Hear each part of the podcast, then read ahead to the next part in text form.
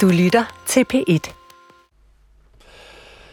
Velkommen til programmet Pilgrim, der gerne tager dig med på rejser ind i troens univers. Jeg hedder Anders Laugesen, og her i sommer, der tager vi på rejse, der byder på et genhør med en række nu afdøde fyrtårne inden for den religiøse og spirituelle verden. I dag der kan du lytte til samtaler med to stærke kvinder, der inden for hver deres åndelige tradition havde et helt særligt liv, nemlig den katolske lægesøster Inge Norling, der også blev kaldt Danmarks Mother Teresa, og så den buddhistiske nonne Gelungma Palmo, som nok er en af de dybest uddannede, eller var en af de dybest uddannede buddhister i Danmark. Samtalen med Inge Norling er fra Aske onsdag eh, 2016, hvor jeg besøgte hende i det kristne bofællesskab i Jylland, hvor hun i en årrække boede sammen med misbrugere og hjemløse.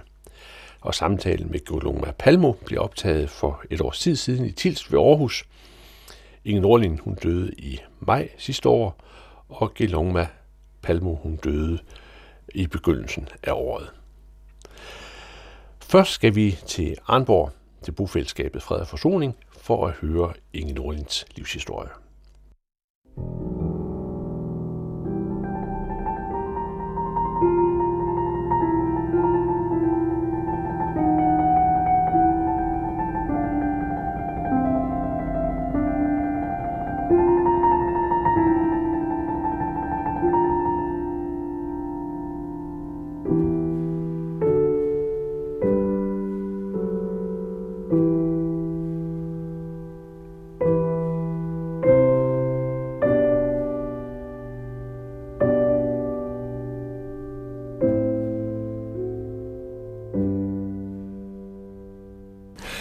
Inge Norling, vi sidder herinde i et lille kapel, øh, og som du siger, er det en tidligere slyngelstue, vi sidder i?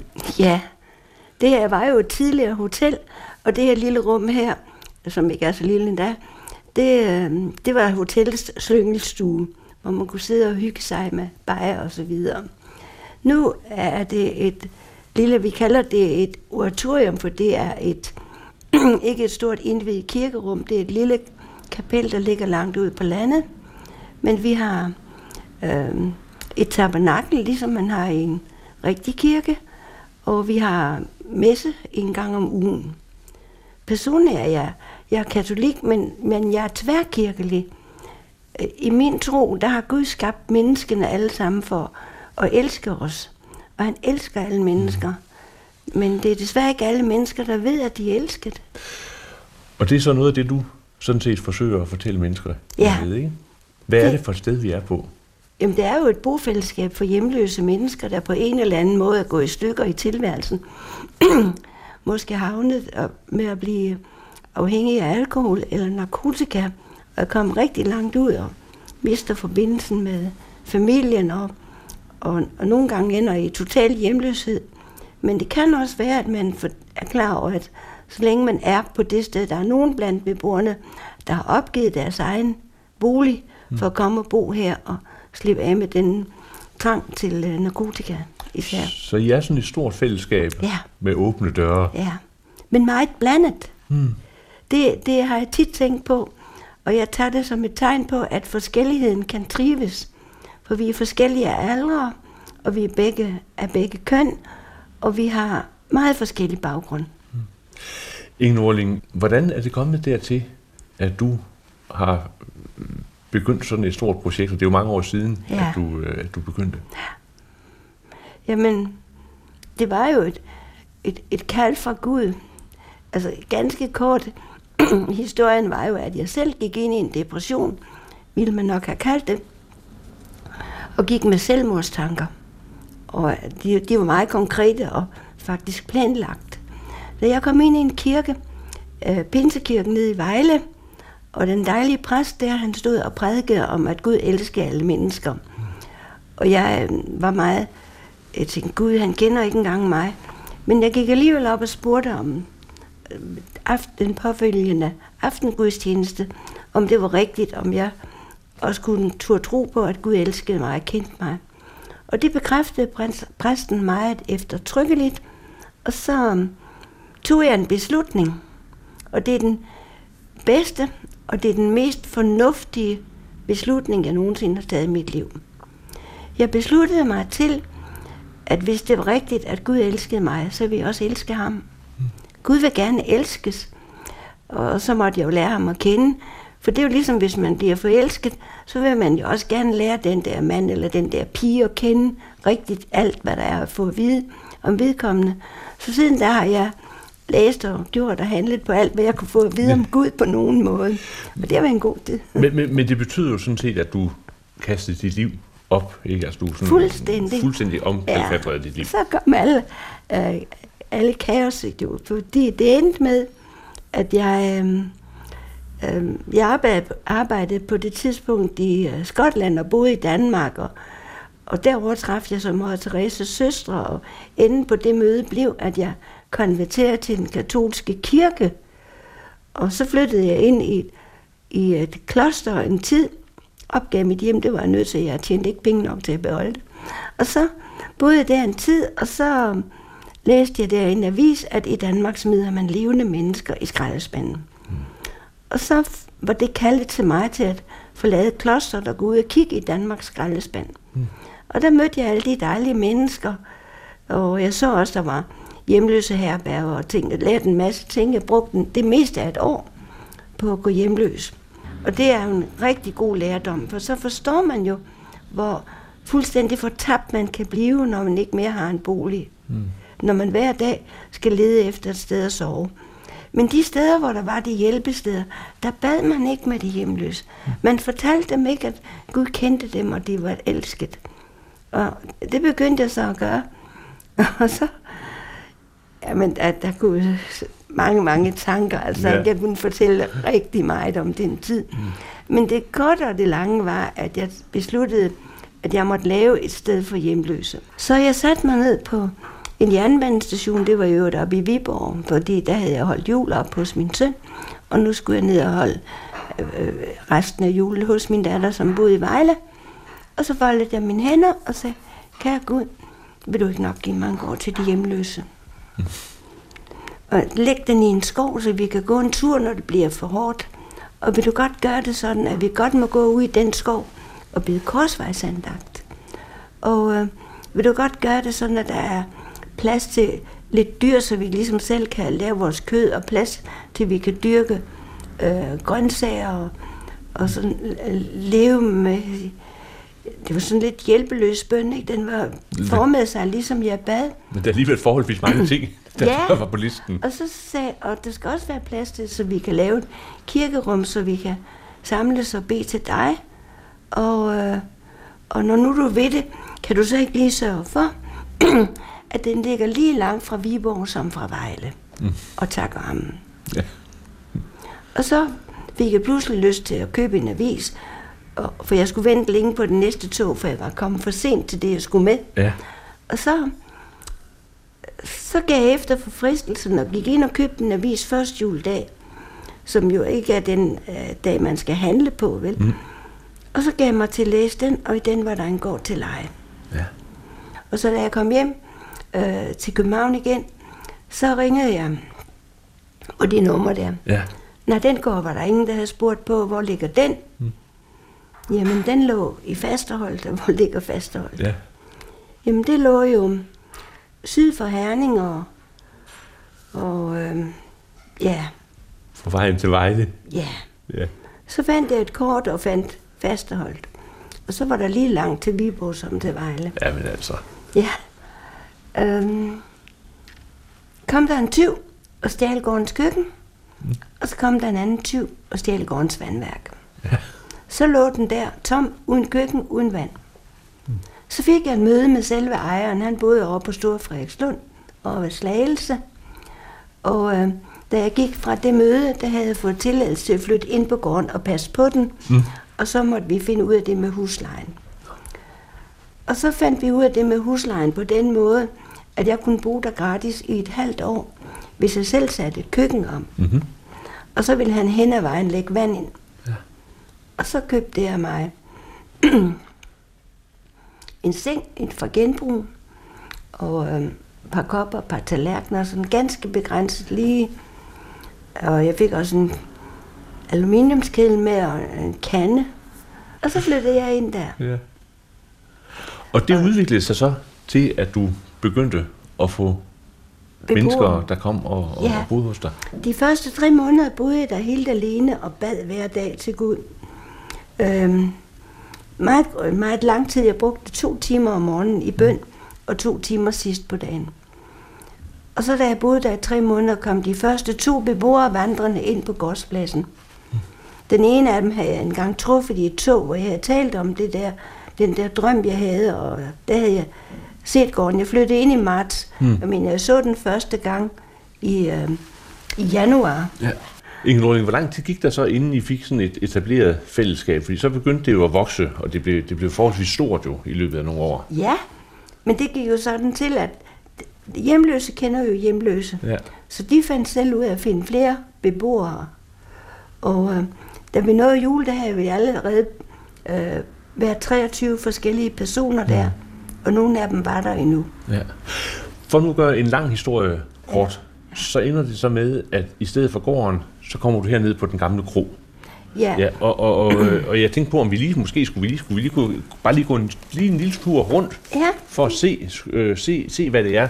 Fordi her, her har du jo så sådan set igennem nogle år haft et fast etableret øh, ja, ja. bosted. Her har jeg været siden 2001. Ja. Og når vi nu lige går ud her, så ja. kommer man, det vi er i, i indgangen nu, så ser man, der har været en, en, øh, en julekrybbe der. julekrybbe og der er Ja. Maria-statuer og en plakat for barmhjertighedens år, Ja. så vi kan se, at vi er et katolsk sted. Og så går vi lige ind, vi kigger bare lige ind her i den store stue, hvor der er rigtig hyggeligt med sofaer og gyngestol og klaver, og, Ja. og så er der ved at blive dækket op til, øh, til frokost her. Ja. Og der er et sted, hvor man kan spille, spille bordtennis i den Ja. anden. Det her, det her rum bruger vi til uh, større forsamlinger. Samtidig så inviterer vi nogen ind til at komme og høre om stedet, eller hvis vi har fest. Vi, den her, det er sådan et alt muligt rum. Så hvis vi har et stort møde, øh, og en kommer ind og prædiker for os, så ser du en prædikestol deroppe, ja. som vi har fået af Indre Mission. Ja. Og du ser et brugbart alter der. Mm. Du ser krucifixet. Og øh, midt i det hele her, når der ikke er andet, så har vi en meget hæftig bordtenniskamp gående Ja. for sig ind her. Og så kan man se, at der, er- der er højbede ude i, i, ja. i haven derude. Øhm, Ing- Ingen vi, jeg tror, vi går tilbage til vores... Ja, vores hvor, Men ser du, da Gud er alt og ser alt, han ser også, at vi spiller bordtennis, så finder jeg ikke, det er for arveligt, Hmm. at vi spiller bordtennis inde i det rum, der ellers er til at prædike. Nej, nej, nej. øh, Ja. hvor, hvor, hvor, mange, hvor mange er I her lige nu? Vi, vi er en 12, 13, 14 stykker. Ja. Det er, jeg tror, vi er 13, hvis jeg tæller det helt nøjagtigt lige nu. Ja. Den kæmpe fordel, jeg har her, er, at alle beboerne er kommet af sig selv og bad om hjælp. Der er ingen, der er anbragt her. Der er ingen, der skal være her. Vi kan være her alle sammen. Vi betaler nu øhm, 160 kroner om dagen. Det er lige steget fra 140, mm. fordi ting var blevet dyrere. Energiregninger er blevet dyrere. Og øh, det er de penge, som vi har at gøre med for os selv hver især. Men hvis du nu midt i måneden siger, jeg gider ikke det her mere, Inge, det er slut, jamen så regner vi om, hvor mange dage er der tilbage. Mm. Og så får du de penge tilbage, ja. øh, som du har betalt for at være her. Mm. Men de, de fleste kommer jo i begyndelsen af måneden og har ingen penge. Mm. Så hvis ikke nogen venlige mennesker udefra indimellem støttede os, så kunne det ikke helt gå. Mm. For det opholdsbetaling dækker ikke helt. Nej. Og jeg er jo frivillig her 24 timer i døgnet. Ja. Um, og, men jeg får ikke løn, jeg betaler selv for at bo her. Hvad er ligesom rytmen her, i, øh, her på stedet? Altså har, er der noget, der ligesom karakteriserer, at vi er et sted, hvor, hvor det kristne øh, Ja, spiller en rolle, og Mother Teresa også har været inspirator? ja. Naturligvis er vi nødt til at have en dagsrytme for at kunne fungere sammen. Så vi har sådan en liste over, hvem der skal lave morgenmad den pågældende dag. Den hænger på køleskabet. Så ham eller hende, der skal lave morgenmad, ser jo om aftenen, og det er mig i morgen tidligt. Mm. Og står tidligt op og laver morgenmad og kalder på os andre en halv time før morgenmaden skal være færdig. Her i vintertiden får vi lov at sove lidt længere, så vi bliver vække klokken 7, hvis vi ikke er stået op. Ja. Og så klokken halv otte spiser vi morgenmad, og så rydder vi op og vasker til side. Så beder vi Laudes bagefter samlet herinde. Ja. Laudes, øh, det er jo fra den katolske tidbøn, det der hører til dagen. Og øh, så, så har dagen sin rytme. En hver har sine pligter. Altså nogen skal gøre badeværelser og toiletter rene, og, og nogen skal gøre rent i køkkenet og i, mm. altså i hele huset. Nogen skal herinde, og, ja. så hele huset er, er holdt ren og i orden. Mm. Nogen skal igen lave frokost, det står også ude på vores liste. Ja. Og nogen skal vaske op, ligesom også nogen skal vaske op efter morgenmaden. Nogen skal passe husets vasketøj. Og så dem, der er chauffør, det er dem, der har kørekort. Mm. Så der er nogen, der skal køres til læge, eller til møde inde på socialkontoret, eller til møde til psyki- psykiatrien, eller... Mm. Udsendelsen her sendes jo første gang øh, Aske onsdag, Ja. øh, hvor vi er på vej ind i fasen. Vi står lige før vi går ind i fasen. Og vi øh, er på vej ind til at høre øh, teksten om søndagen omkring øh, fristelsen, Ja. øh, Jesu fristelse i ørkenen. Ja. Og, og, og mange af beboerne her er jo mennesker, der har været i øh, afhængighedsforhold af, Ja. af alkohol for eksempel. Det, er- det er jo også meget, meget fristet, fristet at øh, gå i tilbagefald, som vi kalder det. Og, øh, og det hænder naturligvis. Det henter også her til jul, at, at tre af beboerne, som var på besøg hos familie og venner uden for stedet i forbindelse med julen, øh, kom i det, vi her tilbagefald, altså faldt i misbrug. Og øh, da jeg elsker alle mine beboere, og det gør jeg virkelig, så øh, er det jo svært at sige, nu må du ikke komme hjem igen. Mm. Men naturligvis vil det jo medføre, at dem, der er hjemme og ikke har gjort noget, de bliver sure hjemme. Hvis den ene må drikke, må den anden også drikke. Hvis han må, må tage stoffer, må jeg jo også tage stoffer. Så den kommer jo ind her. Så øh, her efter jul, hvor vi alle sammen var, der var sådan lidt muren i krone, kan, kan han og ham og ham, kan de bare komme hjem igen og som ingenting. Så havde vi hørt her holder andagt herinde, så efter en andagt her forleden dag, så sagde jeg nu, øh, men jeg så sige, at vi sidder her alle sammen og ved godt, hvad der er sket. Og I ved også godt, hvor meget jeg gerne vil tilgive de mennesker, som har været ude, og have dem her igen. Mm. Men nu må I jo være især ordne med hinanden. Vil dem, der er hjemme, tilgive, og vil dem, der har været ude, vil de bede om tilgivelse. Nu må I finde ud af det samme, for nu går jeg. Øh, resultatet var, at de blev faktisk meget vrede på mig. Hvorfor lagde jeg, gav jeg dem pludselig ansvar? Mm. Men resultatet var også, at dem, der havde været ude, de bad om tilgivelse, og resultatet var også, at de fik det. Ja. Og de er her alle sammen endnu. Mm. Fastetiden er jo en vidunderlig tid, fordi den er en renselsestid, hvor man får mulighed for at rense sig selv. Ikke? Mm. Og det er jo ikke øh, alt det snavs, man bærer på. Det er jo ikke sådan, at man, hvis man skal skure en plet af et gulv, man håber, den kan gå af, og man skrubber lidt mere. Man ved, at pletten kan gå af. Mm. Jesus har sonet øh, min synd på korset. Mm. Jeg skal bare selv finde den i mig selv og sætte ord på den mm. Mm. og bede om hjælp til at slippe den. Øh, det, det, er, det er simpelthen så, så enkelt, fordi for, forsoningen er sket, men den virker ikke for mig, før jeg tager imod den. Mm. Og, og jeg behøver jo bare at takke for at sige, tak fordi du har tilgivet mig, at jeg glemte det og det, eller jeg gjorde det og det, eller, eller mm, jeg tænkte det og det. Tak, der kan man begynde. Øhm, en af de dage, jeg holder allermest af her, det er fredag morgen. Hver fredag, så beder vi salme 51. Og jeg vil sige, at jeg synes, jeg er så privilegeret. Det skrev jeg en meditation over en dag. At få lov at bede salme 51 sammen med mine beboere. Herre Jesus Kristus, den levende Guds søn, forbarm dig over mig, sønder. Det er, indled, det er indledningsbønnen, og vi beder den jo i kor. Ja. Ikke? Et sønderbrudt sønderknust hjerte agter du ikke ringe, o Gud. Gud, vær mig noget efter din miskundhed. Udslet mine overtrædelser efter din store barmhjertighed. Tvæt mig fuldkommen rent for min skyld og rens mig for min synd. Mine overtrædelser kender jeg jo. Min synd står mig altid for øje. Mod dig har jeg syndet, mod dig alene, og gjort, hvad i dine øjne er ondt. At du må få ret, når du taler, når du dømmer. Jeg synes, at få lov at bede den bøn, sammen med mine beboere, rigtig mange har jo et eller flere fængselsophold bag ved dem. Ikke? Den fortsætter et sted. Kast mig ikke bort fra dit åsyn. Tag ikke din hellige ånd fra mig. Glæd mig igen med din frelse. Giv mig til støtte en vilje ånd.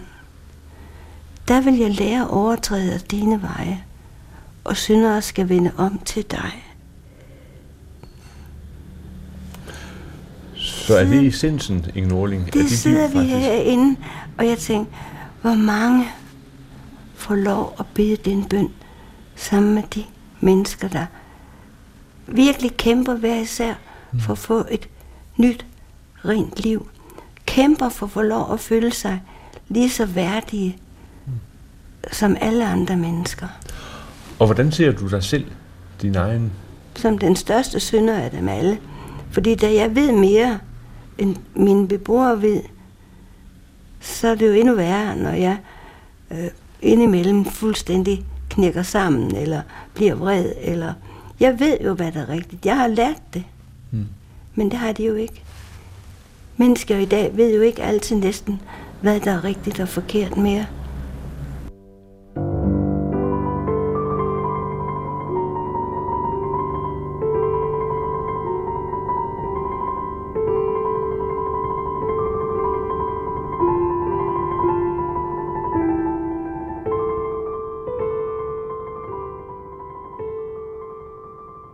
Samtalen her var fra 2016.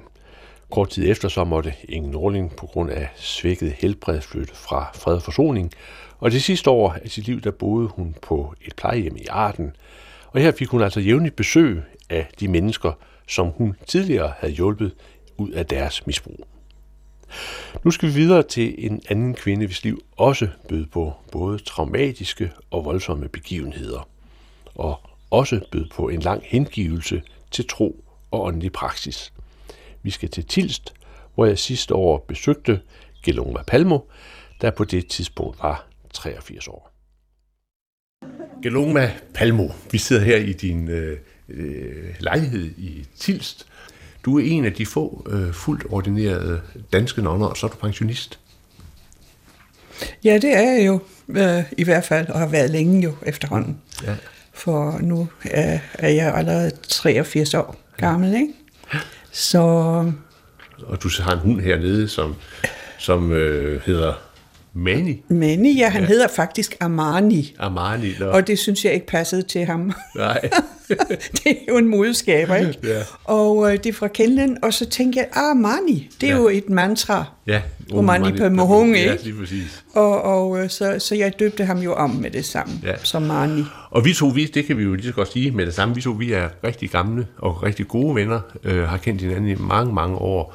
Øh, og nu har jeg simpelthen fået lyst til at øh, lave en skildring af et menneskes pilgrimsrejse, som et menneske, som, som, som betyder noget også for mig, og som jeg gerne vil dele. Og, og, og Palmo, øh, øh, da du var en lille pige, så hed du ikke Palmo, så hed du Valtraut. Ja, ja. jeg hed Valtraut, ja. ja. Meget tysk. Uh, jeg er født i Hamburg jo, ja. under krigen, og uh, Ja, altså, så det der navn har sådan set også betydet, øh, at det har været en hemsko øh, senere hen, på grund af, at det var så tysk, så sådan mm. set var jeg meget glad for at få et tibetansk navn. Ja. For, ja. Men, men du blev født i ind i en Hamburg. tysk familie i Hamburg, Ja. og det var så under krigen. Og der, øh, kan man sige, der var du jo, da det hele, det sådan set Startede, ja, startede, ja, og brandbunkningen af Hamburg. Hvordan, hvordan oplevede du øh, tiden i Hamburg? Ja, altså, hvis jeg nu går tilbage, hvad jeg så har undgået i mange år, fordi jeg vil ikke øh, røre så meget ved de der oplevelser, øhm, så er det noget forbundet med angst. Meget stor angst og usikkerhed, og, øh, og jeg tror også meget, at den der angst, der forplantede sig hele tiden imellem de voksne, når vi skulle ud, og vi skulle i bunkeren, der i de der underjordiske bunker, der var, Øhm, så det er en ting, man nok aldrig glemmer. Mm. Og, og det er også forbundet med lugte. Ja. Altså det var sådan rå cement øh, bygninger selvfølgelig. Og det har også forfulgt mig mange gange øh, senere hen, hvor jeg tænkte, det var da mærkeligt, at, at når jeg er i nogle bygninger, hvor der lugter af ny cement, ikke, mm. så kommer de der ting op igen ja. nogle gange. Hvor, så det sidder i en system egentlig. Altså sindet tager øh, Ja. de ting til sig, som man møder, men også de traumer, der Ja, kommer. netop. Lige akkurat. Øh, I forbindelse med så, at Hamburg jo bliver, bliver bombet og brandbombet og ødelagt, og der er jo store, store ødelæggelser, så bliver I så evaku- evakueret. Ja, de øh, egentlig tvang de min mor til det, for hun ville ikke. Altså hun øh, ville egentlig ikke forlade Hamburg, men vi var tre på det tidspunkt. Altså hun havde tre små børn. Og, og der sagde man til sidst, at man systematisk ødelagde man jo Hamburg fra kvarter til kvarter, og, og vores kvarter, var, der var de meget godt i gang. Og så sagde de, hvis ikke øh, hun tog afsted nu med os hjem, så vil vi blive begravet i det der bombning. Og det gjorde nogle af vores naboer også, fik vi jo senere at vide, ja. at uh, der ikke kom ud, at de blev simpelthen slået ihjel der. Ikke? Det var i sidste øjeblik, at vi uh, kom ud der. Hvor- Hvordan var det så at komme til Sydtyskland som flygtning? Ja, det var jo også igen en mærkelig oplevelse, fordi selvom vi var små, så kunne vi jo mærke den der uvilje imod at tage imod os som flygtninge. Vi var flygtninge, kan man sige, og vi kom jo med intet. Mm. Altså, vi var nødt til at efterlade alt. Hvor- Hvordan var forholdet imellem, mellem jer og så de lokale beboere? Øh, Det var faktisk ret dårligt, fordi de ønskede os ikke. De var rigtig irriteret over, at de skulle optage os. Og, og dernede blev der ikke, havde der ikke været bombet, og de var meget sådan store bønder, øh, gårde der, hvor vi kom. Det hed Weissmein faktisk, en lille landsby, og der, de havde også en meget stor pølsefabrik, kan jeg huske, for der fik vi sådan noget affald på et tidspunkt. Øh, nej, de, de var overhovedet ikke interesseret, og de var ikke interesseret i at hjælpe os med mad heller. Så, så det var øh, en meget øh, dårlig oplevelse. Det var mere den katolske kirke, og så var vi sådan knyttet til nogle nonner også i børnehaven og sådan noget. Senere også, hvor vi var på sygehuset. Det var faktisk dem, der sådan hjalp øh, min mor, og derigennem jo også os, kan man sige. Krigen går så over, og, og, og så er der jo fuldstændig opbrud i hele Tyskland. Altså det, alt er jo Ja. ødelagt og, og så videre. Hvad, hvad sker der med dig? Ja, altså vi øh, var jo så nødt til at øh, tage tilbage til Hamburg, hvor vi kommer fra. Og øh, det øh, var også en traumatisk rejse igen, altså på en åben lastbil igennem hele Tyskland, og med overnatninger i lader, og, og, og du ved, og mm. altså uro var der hele tiden, ikke? Ja. Og så kommer vi til Hamburg, hvor vi øh, bliver optaget hos min øh, farmor, men hun havde kun et lille bitte værelse, mm. og min mor kom med tre børn, ikke? Så igen, øh, der kunne vi jo ikke blive, så nej, det var ikke sjovt. Det var egentlig stort trauma, det hele. Du, du bliver så, øh, jeg sagt, flyttet, ikke? Ja, så Og det- flytter vi videre. Og det er så der, det danske kommer ind. Netop, lige akkurat. Så, så tager vi jo til, til Flensborg, hvor min mor jo øh, er født, og øh, hos sin mor, altså min mormor, som havde et hus, som var også okkuperet af flere flygtningefamilier, så der var igen også meget lidt plads. Mm. Og, øh, altså, og vi øh, var heller ikke tilknyttet til nogen som helst øh, organisation, som mange jo var deroppe i Sydslesvig. Så der havde- sultede vi egentlig også. Mm. Altså vi øh, var meget dårligt ernæret, kan jeg huske også. Og så det forfulgte os igen øh, i, i flere år jo, det der med ikke at have noget. Ikke at, altså igen at være en flygtning i sit eget land, kan man sige. Men, men du, du kom så i berøring med det danske deroppe. Også ja, vi, gudskelov da. Altså, min mor har faktisk haft øh, tilknytning til det danske. Hun var dansk feriebarn, da hun var helt, øh, altså en, en stor pige for eksempel. Og hendes bror var, øh, havde gået i dansk skole. Mm. Det er der, vi havde den danske tilknytning, også igennem min bedstemor, som var, øh, som fik hjælp igennem Dansk Røde Kors. Mm. Og det fik vi så også efter nogen tid. Og du kom i dansk skole? Så kom vi i dansk skole, ja. ja. Når, når man sådan som barn øh, er udsat, udsat for så mange traumer og så meget uro og angst osv., øh, hvis du kigger tilbage på det, påvirker det så øh, ens forhold til det religiøse?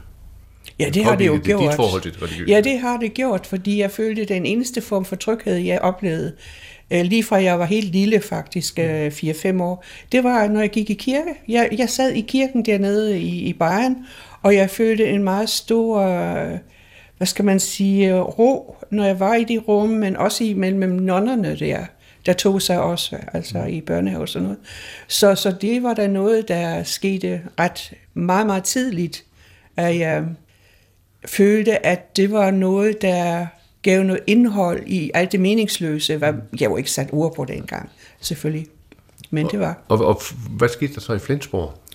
I Flensborg, I forhold til det religiøse? Det religiøse, og, ja. jamen der blev jeg meget hurtigt tilknyttet til den danske skole, eller den danske menighed, ja. hvor jeg var frivillig og uh, deltog jo alt muligt derindenfor. Var glad for at synge? Blandt andet synge. Jeg sang jo i kor i mange, mange år. Ja, ja det gjorde jeg.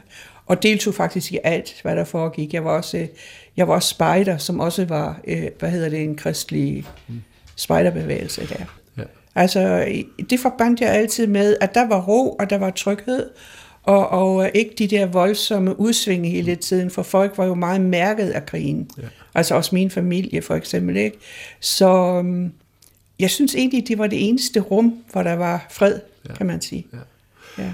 Øhm, møder du da sådan en personlig tro, kan man sige?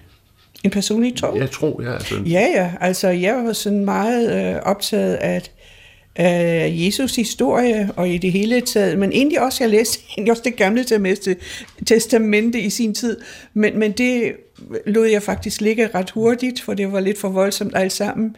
Men, øh, men jo, Jesus og, og hele historien og øh, forholdet til disciplene, og jo, jeg kunne virkelig bruge det til noget. Ja. Altså. Så, øh, den form for tro. Ja, ja. ja. Så på et tidspunkt, så bliver du sygeplejerske, eller sygeplejer-elev, ja. sagt, ikke? Ja, ja. Og det er jo på en måde øh, et vendepunkt, men vel også på sin vis en fortsættelse af, af mødet med Ja, men det var det, lidelsen. fordi de var så dårlige. De første øh, patienter mødte jeg på Danske Røde Kors dernede, hvor vi sådan set arbejdede som sygeplejeelever, hvor jeg ikke var så gammel. Og, og øh, der var de der mennesker jo så mærket af krigen. Mm. Så det var igen noget med hele tiden død og død, og, og øh, man kunne nærmest ikke behandle dem, og det følte jeg også meget traumatisk. Og man kunne ikke snakke med nogen om det. Jeg tror, det var det værste altid. Det der ikke var tale på noget som helst. I mange, mange år. Og, og det, da det hele det religiøse hele tiden spillede ind, så, så kunne jeg ikke forstå, at der skulle være så meget lidelse, tror jeg nok, at, at det var der, hvor det senere, da jeg blev sygeplejeelev i Kolding, hvor jeg så endnu mere øh, groteske tilfælde. Mennesker led så meget, og de selv mente, at det var en straf fra Gud. Ja. Det var egentlig det. Det var meget det. Mm. Fordi på det tidspunkt havde jeg ikke som, jeg troede da virkelig på hele øh, hvad skal man sige, kristendom, og det gør jeg stadigvæk. Mm. Altså, det er ikke noget med det at gøre, at jeg er buddhist i dag. Men, men øh, den historie har jo sat sig fast i mig, øh, selvom øh, nogle andre også, øh, hvor det var en helt ung kvinde, der kommer ind, det var i Kolding faktisk, og hun kom fra et meget intermissionsk hjem, hvor forældrene havde slået hånden af hende, fordi hun giftede sig med en mand, der ikke var øh, intermissionsk. Jeg vil tro, han var troende, men ikke intermissionsk. Og hun, øh, jeg tror, hun var i 20'erne og havde et barn på to år. Og kommer ind, hvor vi mente, det var bare sådan en, en, øh, en mindre ting, hun skulle behandles for. Og det viste sig så, at hun havde en kræftknude. Og hun var øh, gravid i, i syvende måned, eller sådan noget der, syvende, ottende måned. Og... Øh, man fjernede jo den der knude, og så øh, fandt man ud af, at hun havde en meget ondartet form for kræft. og at hun havde metastaser rundt omkring. Og man havde ikke øh, de samme muligheder, som man har i dag. Det var i 60'erne, 50, sidst i 50'erne 60'erne, og man var inde på, at det der, de knuder ville øh, vokse i, i øh, takt med, at det der foster øh, voksede. Så man blev så enige om, og det må man jo have gjort nogle steder før, at det der foster, det måtte man så ofre i forhold til moren. Men det var jo levedygtigt, og øhm, øh, det, det er sådan en grusom ting, synes jeg, altså at opleve, at man må vælge og også se hele den der proces og være med til det. Og der var den der kvinde, da hun endnu egentlig var nogenlunde klar, så tal, vi talte meget sammen, og jeg prøvede på sådan at trøste hende og sådan noget, og, men jeg kunne ikke, vi måtte jo ikke nævne død og sådan noget. Men hun sagde hele tiden, øh, jamen det her, det er Guds straf, fordi at jeg har gået øh, øh, imod mine forældre, og jeg har forladt det der missionske, og, øh, og det synes jeg simpelthen var helt forfærdeligt mm. at opleve. Og hun, og hun døde med det altså også, ikke? Mm. Øh, med den der ting, og, og, og barnet blev jo øh, ja, fremkaldt en, en fødsel faktisk, var det jo. Og, øh, men det levede ikke. Øh, men var levende faktisk også igen, og man ser det, du ved, vi, bliver, vi var nødt til at se på de der ting, ikke?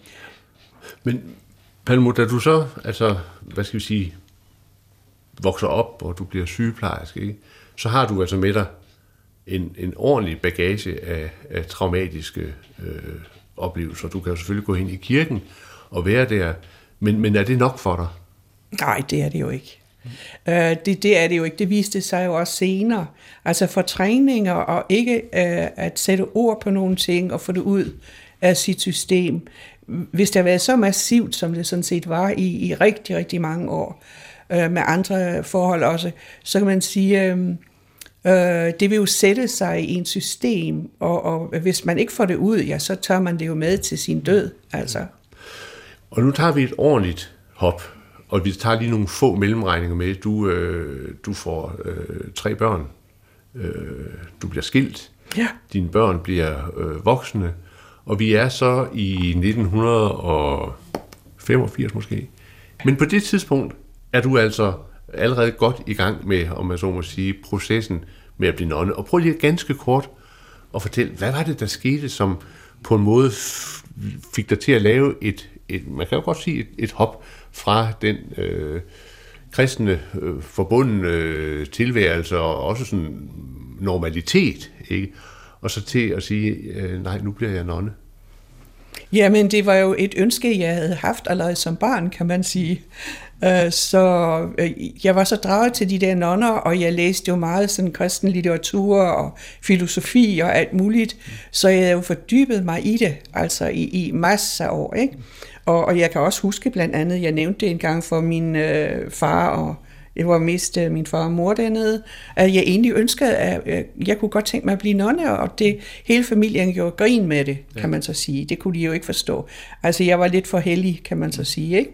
Nej, jeg tror, at det, der sker, at jeg laver det der øh, spring, som jo gik over lang tid også, det var meget igen for at finde nogle øh, metoder til at, øh, at trænge dybere ind i, i øh, bevidstheden, kan man sige, hvor jeg hele tiden følte, også igennem det arbejde, jeg havde haft, at øh, de metoder kunne jeg ikke finde i kristendommen.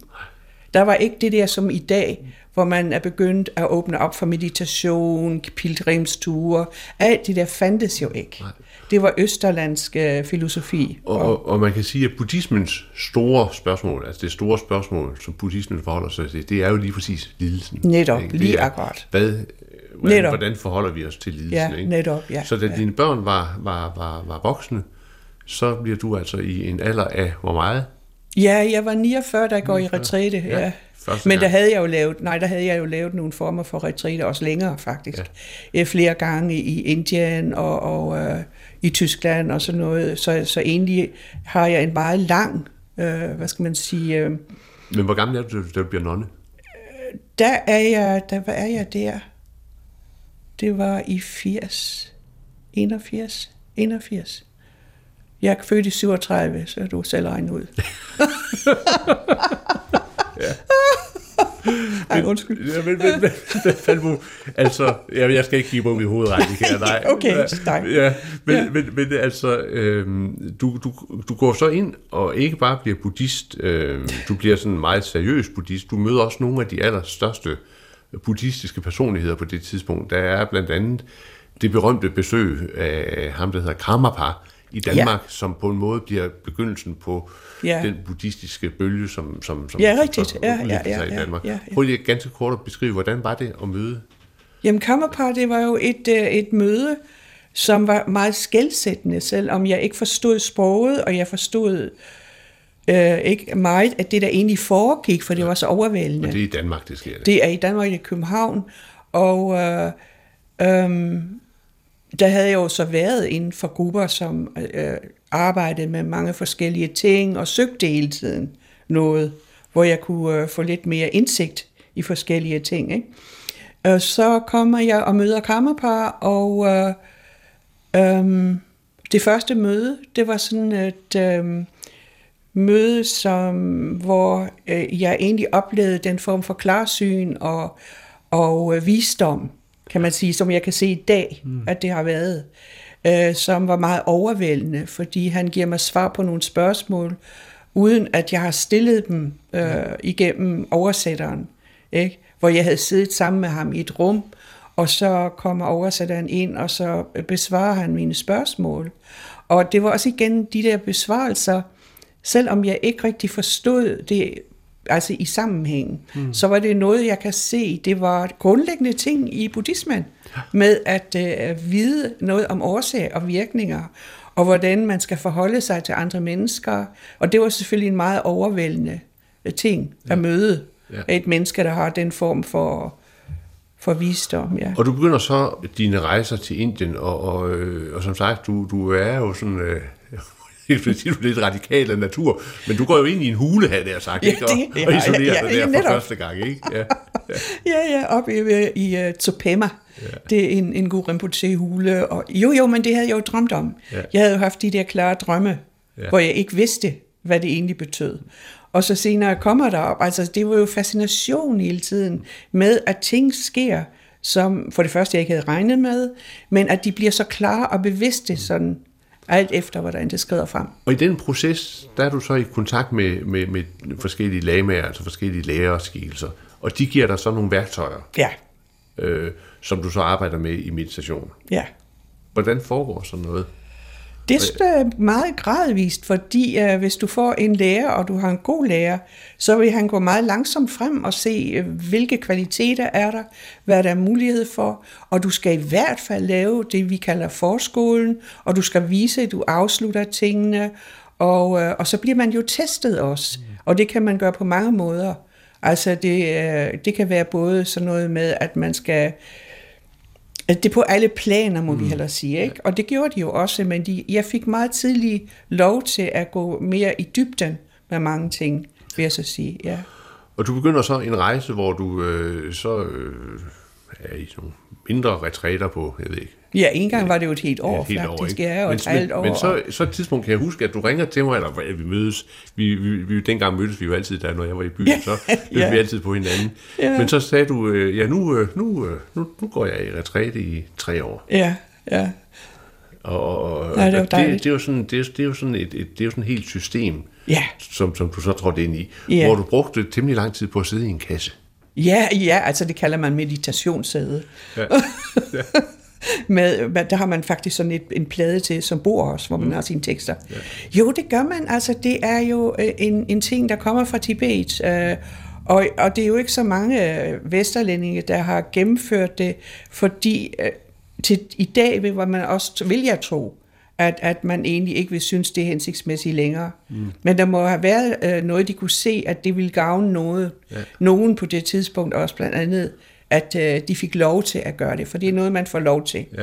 Det kan man slet ikke selv øh, bestemme, kan man sige. Det kræver, at man har lavet en hel masse forberedelse. Men det er så tre år og tre måneder. Og, Ja, og, tre uger, tre dage. ja. ja, ja. Så, hvor man så sidder øh, og, og fordyber sig, Og en stor del af tiden, også om natten, der sidder du i den her kasse. Ja, ja, ja, ja. Man sidder, øh, man sidder i, i fuld lotus, og man øh, laver yoga, meget avanceret yogaøvelser, og man får en masse belæringer, indvielser, og man laver gruppepujjaer, og øh, men meget, meget meditation, mm. på, hvor man også igen går gradvist frem. Ja. Men, men når du så sidder der og virkelig vender, vender blikket indad, øh, hvad sker der så i forhold til hele den... Øh, af hele den øh, historie, du har med dig, ikke? Altså de, den, den dybe, det dybe møde, du har haft med, øh, med lidelsen det, det skete jo allerede inden jeg går i retræte. Altså at øh, jeg fik nogle redskaber til netop at se på, på øh, lidelse og, øh, og at alle øh, levende væsener jo har øh, kommer ud for lidelse. Men det er jo en proces, der tager lang tid også øh, at forstå det. Hvad skal man sige? Øh, det er også meget med inden for buddhismen, hvor man arbejder med sit jeg, altså og øh, sine forstyrrende følelser, og de remedier, man får, det er netop at øh, gå ind i de der processer, mm. og, men også øh, bruge alle de praksiser for andre, at man ja. giver fortjenesten videre. Ja. Det er en meget øh, stærk ting egentlig. Så kan man sige, at du opløser nogle netop. af de, de, øh, de spændinger. Eller ja, netop. Ja. Lige akkurat. Ja, ja. ja. Men hvad med, hvad med, hvad med angsten? Altså når du har oplevet så grundlæggende en angst der, ja. og, og man sidder... Øh, den, den kan faktisk dukke op. Jeg har været ude for her i min høje alder, at den der angst er dukket op, fordi jeg tror, det, det tog rigtig mange år for mig at gå ind i de der personlige ting, mm. som har været svære. Og, og, øh, og egentlig har skubbet det væk. Jeg vil egentlig ikke uh, se, eller hvad skal man sige, um, involvere uh, mig med det. Og det blev så klart også, at det, øh, det er man nødt til, ja. hvis man vil til bunds i det. Ikke? Mm. Så, men det kommer jo tit med alderdommen, ja. at det bliver nemmere. Herinde i lokalet ved siden af, der hænger der en, en helt fantastisk øh, tanke, en billede mm. af en, en rød... Øh, Tenrisi. Øh, ja. Ja, øhm, Hjalva Gemto. Ja. Øh, det er jo noget med, at man får, får, man, man får et aspekt af hele det der store buddhistiske univers, som man fordyber sig særligt i. Ja. Hvad er det, du har fordybet sig særligt i? Det er, aspektet er jo kærlighed og medfølelse, og derigennem at udvikle visdommen. Og uden de ting, uden, at man skal have det med. Mm. Det er ikke nok, at du har kærlighed og medfølelse, hvis ikke du har visdom også at, at, at få det der, at man får et klart syn, kan man sige, og det er også det, man opnår igennem uh, meditation. Mm. Og uh, jeg tror, det er der, at uh, en, en retræte, hvis man virkelig går ind i det, og udvikler det i over lang, lang tid, så bliver det efterhånden meget klart, hvad det egentlig betyder, hvor man ikke har brug for remedier. Ja. Ikke? Ja. Og hvor man kan gå ind i de der rum, uden at have en hel masse remedier, men øh, det der, at man får en yidam, det er meget noget med, at de kan se, eller lægeren eller læreren kan se, de kvaliteter, man har, og man kan arbejde med, og også de andre ting, de der forstyrrelser, man har, og så får man sådan et aspekt, hvor man øh, arbejder med det på et dybere plan. Identificerer sig med det. Ja, altså det er jo en, en, en, ja, en, det er jo en foreningsmeditation. Ja. Og, og, den, øh, og når man går ind i de der um, retræter, som er elgamle jo fra Tibet, ja. så er det på mange planer, det er det ydre, det indre, det hemmelige, det globale. Mm. Altså alle de der trin går man så igennem, og det tager år. Ja. Det er ikke noget, man bare gør, heller ikke uh, engang i det første retræte. Ja, fordi du kommer så ud af det første retræte, og, og, og vi har øh, vi mødes jo selvfølgelig. Ja, det gør vi. og, og har, da, da, men, men så, så, ja, så trækker det igen. Så går du ind i dit andet retræte. Jamen, det er fordi, jeg var ikke færdig. Nej. Altså, jeg lavede jo grupperetræt, jeg havde lavet en retræt, og jeg kunne mærke, at jeg skulle endnu dybere ind, mm. og der skulle jeg være alene, og jeg skulle ikke tale, mm. og, og øh, skære alting ned til minimum, altså, du ved. Ja. Og, og øh, det havde jeg jo haft lyst til i overvis, altså. Og så, så fik jeg lov til det af lægmand. Ja. Og, og øh, gennemførte det så også ned i Frankrig. Ja. Tre et halvt år igen ja. der. Ja. Og det var faktisk vidunderligt, altså. Det var samtidig selvfølgelig svært. Alting er ikke vidunderligt, fordi man går i retræte. Men, men øh, jeg, igen så følte jeg, at det var som en gave at få det, også på det tidspunkt. Jeg var jo over 50. Jeg blev 50 i det første retræte. Og, og jeg var også den ældste, du ved. Og man kan sige, det kræver jo også noget fysisk at lave, øh, gennemføre de der ting. Ikke?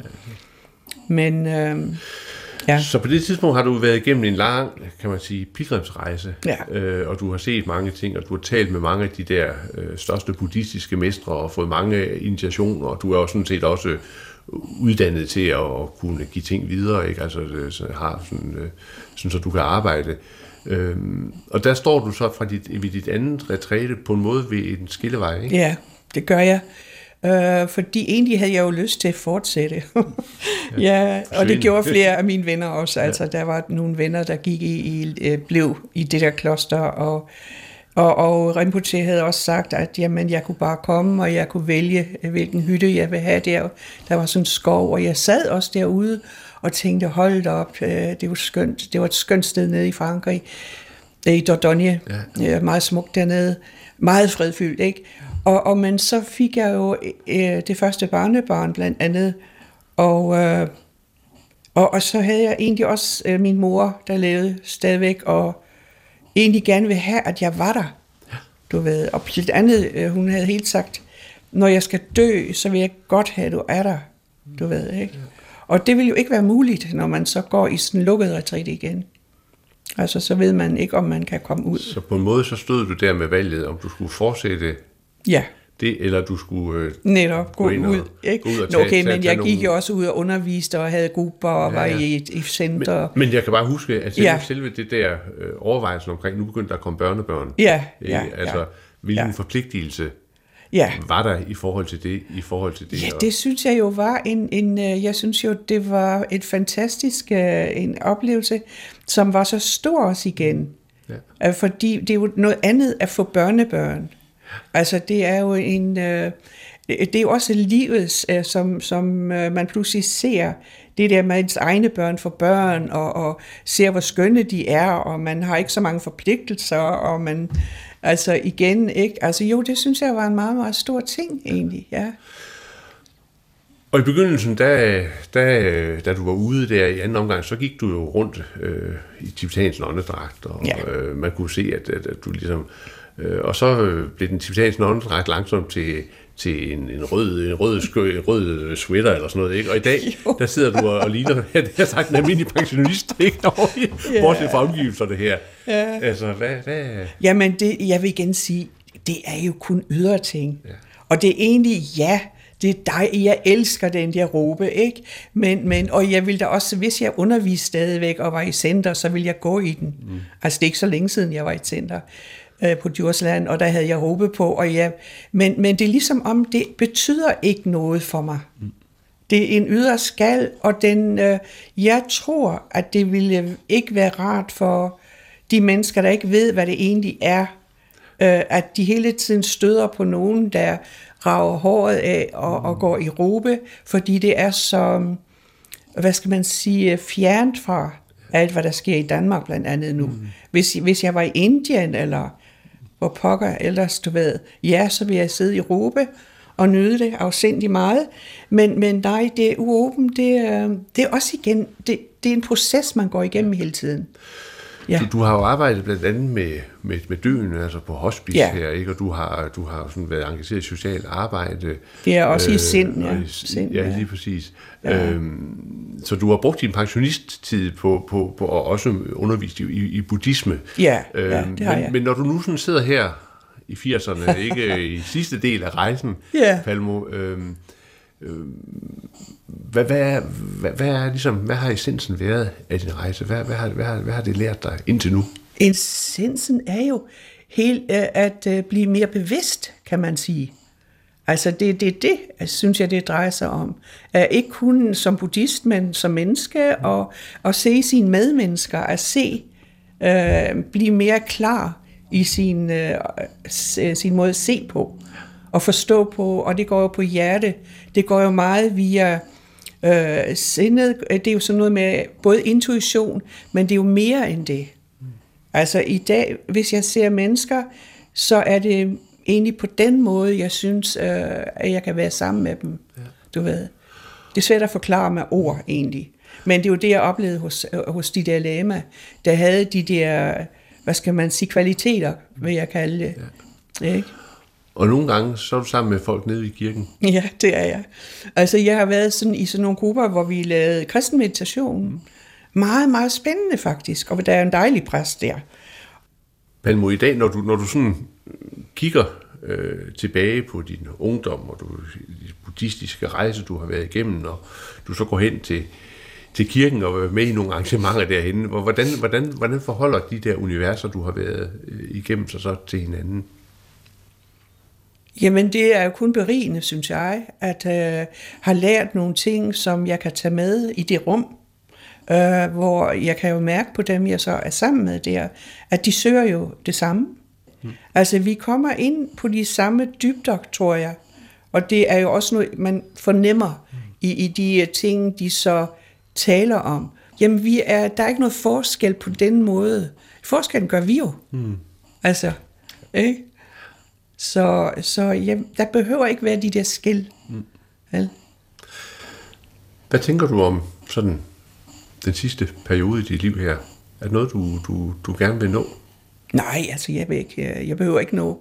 Altså jeg når jo, jeg, jeg, skal, jeg skal, hvad skal man sige, øh, arbejde med sindet lige til at dør forhåbentlig, også i bevidsthed, i en form for klar bevidsthed. Det vil jeg ønske, ja. Det er sådan set mit ønske, at jeg ikke bliver omtoget og, og, og alt sådan noget der, du ved, at blive meget, er, er klar. Så du arbejder frem imod at kunne gå døden i ja, ja, døden? Ja, ja. Det er egentlig det, man gør som buddhist. det er der mange, der ikke er klar over. Men det er egentlig det, man gør. Du hørte her den buddhistiske nonne og lama Gelona Palmo fortælle, og tidligere i udsendelsen, der var det den katolske lægesøster Inge Norling, som jeg havde talt med. Udsendelserne var den fjerde af fem sommerpilgrimsudsendelser, der byder på genhør med afdøde mennesker, hvis liv har formet sig som en rejse ind i det religiøse og spirituelle landskab. Næste uge kan du høre en fem år gammel samtale med musiker, fysiker og forfatter Peter Bastian. Den blev optaget herinde i skurvognen omkring et år før hans død. Her er det Anders Laugesen, der siger tak for i dag og forhåbentlig på genhør om en uges tid. Gå på opdagelse i alle DR's podcast og radioprogrammer. I appen DR Lyd.